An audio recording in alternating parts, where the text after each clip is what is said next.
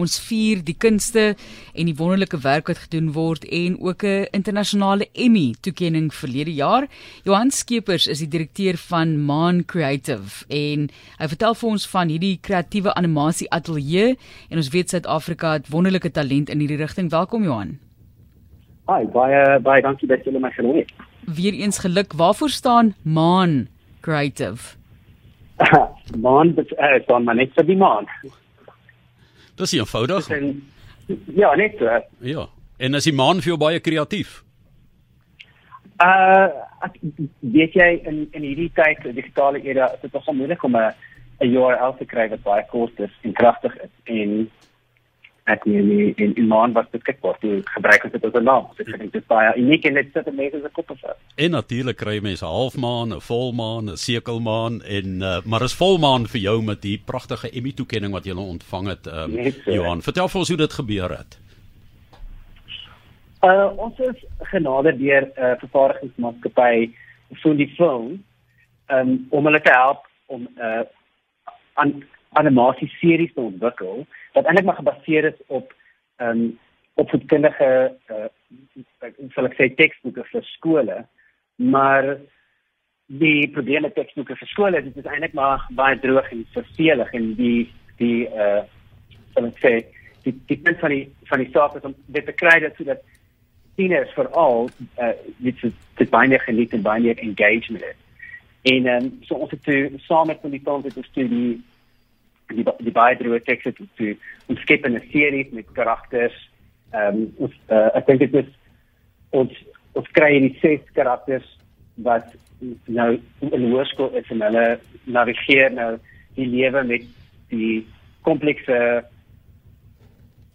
interaksies met hulle familie en hulle tradisies en ehm um, en so voort en en ook hulle eie eie eie selfbeeld. So kom ons praat net oor jou agtergrond en hierdie fantastiese ateljee wat jy gebruik om stories te vertel soos hierdie 16er vriende wat nou hulle pad probeer vind deur skool, familie, vriendskappe en komplekse uitdagings soos jy dit ook stel. Hierdie projek wat jy nou na verwys het. Vertel ons van julle ateljee, hoe baie mense werk vir julle en hoe besig is julle tans? Uh, ons het 'n baie groot ateljee, ons is eintlik baie klein. Ons is ehm um, ons krimp en groei soos dit soos dit nodig is. Ons het kans net vyf mense, maar ons het uh, 'n paar kortlike mense so sodra daar groot projekte is dan spring almal in en Ja. help uit. Ehm um, maar ja, so ons het uh, oor oor die algemeen maar uh, my agtergrond is inligtingontwerp by Universiteit van Pretoria en ek het maar begin om seep en selfsone te verkoop. En ehm um, saam met 'n klasmaat het ons een een jaar net besluit ons is nou moeg hiervoor ons wil projekte doen wat bietjie meer saak maak en ons het uh, toe ons eie ateljee begin en ons het, ons het 'n baie groot passie vir opvoedkundige uh goed en ons het uh, ons het hierso om om nuwe mediums en en nuwe maniere te soek om animasie te doen. Ek is ook jammer om te hoor dat daardie vernoot van 9 jaar van jou verlede jaar oorlede is. Ons is jammer om te hoor van Michael Clark wat Hmm. is 'n afsterwe om weer vorentoe te gaan onder sulke omstandighede veral as dit nou jou vernoot is waarmee jy gedroom het en planne gemaak het vir die toekoms. Dit was sekerlik ook 'n moeilike ruk vir julle nou na sy afsterwe. Reg, ja, en nou die die uh, is so dit is shit uh soms is dit nie maar te kenning maar ek dink dit dit spreek ook op baie tot sê dit is dit is Ja. nagedagte Johan, kom ons praat oor julle multidissiplinêre benadering. So as 'n mens kyk na kyk hierdie studie rigtings, dit voel vir my ek voel baie oud op die oomblik. Ek weet die inligtingontwerp byvoorbeeld wat jy nodig het vir hierdie tipe van werk. Hulle is daar in Johannesburg gebaseer het by Universiteit van Pretoria studeer soos hy nou net genoem het. En dan 'n multidissiplinêre benadering. Wat waarvan maak julle alles gebruik? Jy weet ons wat byvoorbeeld nou 'n uh, animasie film kyk. Daar is verskillende benaderings, daar's verskillende tegnieke wat gebruik word. So op watter vlak werk julle alles? Reg, ja, daar's 'n groot spektrum van uh animasie benaderings soos jy sê. Enigiets van soos 'n Pixar film wat ons almal sien en, en baie geniet tot en met uh hoe jy in dis hoe jy werk met jou foon. Soms jou jou foon se skermpies kom op en kom af en selfs daai is animasie. So daar is 'n baie groot spektrum van van die toepassing van animasie oor uh klomp klompvelde. Ons is spesifiek ehm um, ons is hier voor om te ontwikkel in film en kortfilm en series en vir al die opvoedkundige uh programme. So ons is nie sien jy ons hou by een tipe styl nie. Ons ons raak aan 'n hele paar dit ek sê ons is multidissiplinêr, ons is baie lief vir stop motion so ons het goed te bou in ons ateljee. Ehm um, uh in dat dit dan te fotografeer en dan bo dit te animate of self made te animate. Johanna, seker heelwat uh, mense wat luister wat belangstel. Ek weet baie jong mense gaan studeer deesdae in daardie rigting en beland in 'n uh, sweterwiel van verskillende loopbane. So is eintlik 'n wonderlike basis waarvan dan of jy kan beweeg, maar die tegnologie speel 'n baie groot rol.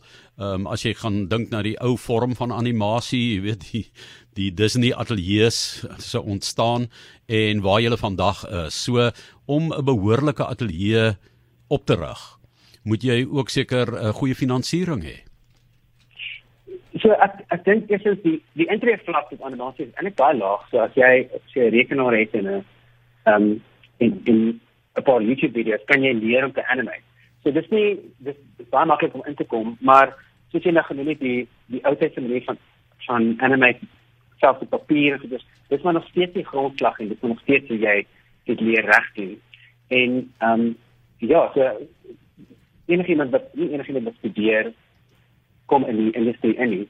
En dan selfs om 'n atelier te te te, te begin ek ek het definitief nie 'n uh, begin met 'n met 'n start dis nie ons het ek ek en Michael het op die platform begin en ons het maar net kliënte stukkie vir stukkie um, bygelas en jy dien maar net nuutlik elke week. Ja, en elke 2 jaar is daar weer 'n nuwe masjien hè wat uitkom um, wat beter is as die vorige en die tegnologie ontwikkel wel elke 6 maande. Maar mens sien baie van hierdie uh, uh, jy weet op byvoorbeeld TikTok en so sal jy jong mense wat in die laerskool is, dan maak hulle al hierdie animasie want die die programme is uh, tot hulle beskikking hierdie animasie kort treffende tipe van programmetjies, grappies, gebeure. So dit is nou baie meer toeganklik vir ons, né? Dis korrek, maar dit is eintlik baie opwindend want dit dit gee 'n blootstelling daaraan. Ek het op 'n plaas groot geword in die middel van Natal en ek het nie geweet hoe om te animate nie. Ek het uh, ek het ook stories gekyk en ek het dit ek het dit baie geniet, maar die idee van om om 'n animator te word vir enige ja, tot nie te wat glad nie uh, ek ek het, ek het geen verwyting daarvan gehad nie. Maar die het ook gekenne vir dit baie meer blootstelling en dit beteken sodra hulle die die werksplek intree as hulle amper amper uh, al geoefen en dan moet jy net weer begin by die grondslag grondslagprinsipe en dan kan jy kan jy met hulle werk. So uh, dis eintlik baie wonderlik. Dit is is baie goed vir ons in die string dink ek. Kom ons praat net oor wat beteken so Emmy toekenning vir julle. Het dit 'n groot impak gemaak op die hoeveelheid mense wat byvoorbeeld by julle aanklop om julle dienste te gebruik? Ek nee, ek moet sê dit het nogal onder die radar gebeur laas jaar in November. 'n paar van ons van ons kollegas het dit het dit opgehou en gesien en ons het 'n hele paar klap op die skouer gekry maar ehm um, jy ek kan sê te veel het, het gebeur nie. Ehm um, ons uh, ons ek, ek sou sê dit is is maar net 'n so 'n national en ons bel en met met gewoonlik is dit die toekenning reg is aan jou kop te vat in elk geval nie want uh, uh, soos ek sê jy jy dien kliënte en dit gaan gaan baie maar oor hoe jy met jou kliënt werk en en die dienste wat jy hulle gee. Ons gesels met Johan Skeepers. Johan, My Better World is in Afrika uh, hoofsaaklik uitgesaai. Moes julle dit in verskillende tale doen of het julle Engels as basis gebruik? Ons het die Engels as basis gebruik en van daar af word dit vertaal en ek dink daar was uh Swahili en Somali wat ek dink ek wat genoem. Afdan dit is maar net om seker te maak dat soveel moontlik mense toegang uh het tot die um, storie animasie en dat hulle kan verstaan dat die die groot doelwit van die animasie was eintlik eerstens om in skole in te gaan. Dit was nooit ehm um, aanvanklik bedoel om uh uitgesaai te word soos 'n soos 'n gewone animasie nie. En die uh, ek dink die die respons tot dit was net so positief dat hulle dit verder gaan wat dit nou ook op kanale in daai Afrika lande beskikbaar.